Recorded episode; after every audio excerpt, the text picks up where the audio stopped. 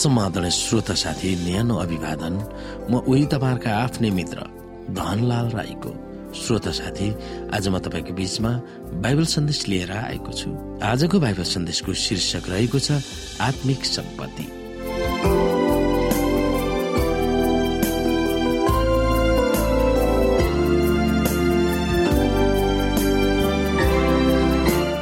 श्रोता पाप नगरेको संसारमा मानिसको जीवन कस्तो हुने रहेछ सोच्नु कठिन छ। तर एउटा कुरो निश्चित छ त्यहाँ लोभ लालच आफ्नो लागि मात्र धन सम्पत्ति थुपार्ने प्रवृत्ति गरिब र विपन्न वर्ग र अहिलेका विश्वलाई महामारीको रूपमा फैलिरहेको अनेकौं किसिमका शोषणहरू त्यस संसारमा हुँदैन। हामीले जतिसुकै परिश्रम र इमान्दार गरेर थुपारेको सम्पत्ति मेरो भन्ने दावी गर्ने प्रवृत्ति यस पतित संसारको उपज हो। अन्तमा आएर हामीमा जति भए तापनि वा हामीले जे गरे तापनि एउटा महत्वपूर्ण विषयलाई हामीले सम्झिराख्नु जरुरी छ। त्यस सन्दर्भमा हामी विभिन्न पदहरू हेर्न सक्छौँ।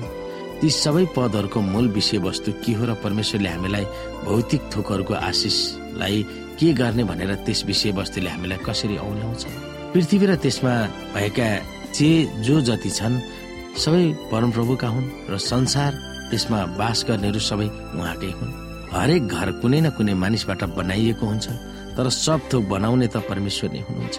जङ्गलको हरेक वस्तु र हजारौं डाँडा काँडाका गाई वस्तु मेरै हुन्। पर्वतहरूको प्रत्येक साक्षी लामा चिन्छु र भूमिका सबै प्राणीहरू मेरै हुन्। उनले अब्रामलाई यसो भनेर आशीर्वाद दिए स्वर्ग र पृथ्वी सृष्टि गर्नुहुने सर्वोच्च परमेश्वरबाट अब्रामलाई आशिष मिलोस्। उहाँ अदृश्य परमेश्वरको प्रतिरूप सारा सृष्टिका ज्येष्ठ हुनुहुन्छ किनकि उहाँमा नै सबै थोक सृष्टि भएका थिए। स्वर्गमा र पृथ्वीमाथि भएका दृश्य र अदृश्य थोकहरू चाहे सिंहासनहरू चाहे प्रभुत्वहरू चाहे प्रधानताहरू चाहे अधिकारहरू सबै थोक उहाँद्वारै र उहाँकै निम्ति सिर्जिएका हुन्।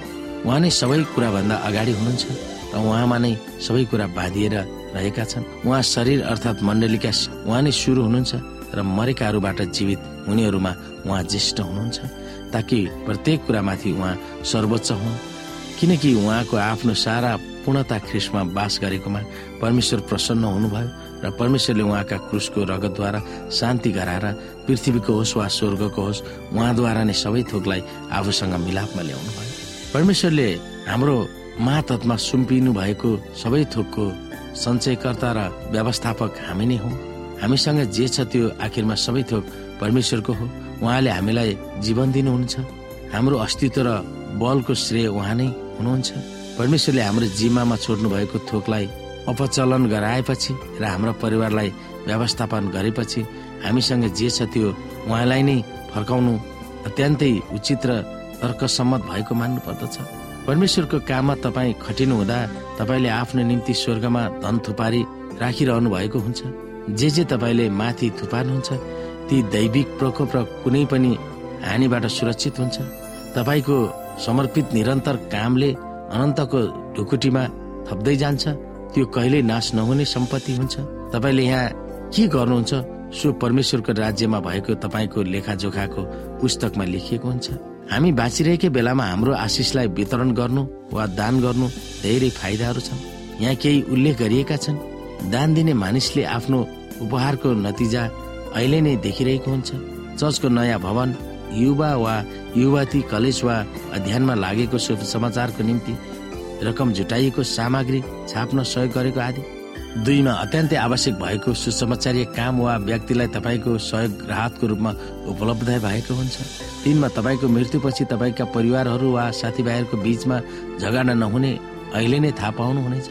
चारमा तपाईँको चारमा तपाईँले उद्धार भएर कसैलाई दिनुहुन्छ भने त्यसले परिवारमा उद्धार हुने र माया गर्ने मूल्य मान्यता बसालिन्छ। पाँचमा करबाट दुःख दिनेबाट तपाईँ जोगिनुहुन्छ। छमा तपाईँले चाहनु भएको निकायलाई तपाईँको दान वा उपहार पुग्छ भनेर तपाईँ ढुक्क हुनुहुनेछ। साथमा दान दिनेको हृदय स्वार्थीपनाबाट निस्वार्थी भएको प्रमाणित गर्दछ। आठमा यो स्वर्गको ढुकुटीमा जम्मा हुन्छ आदि। यी कुरा हामी बुझ्न सक्छौँ।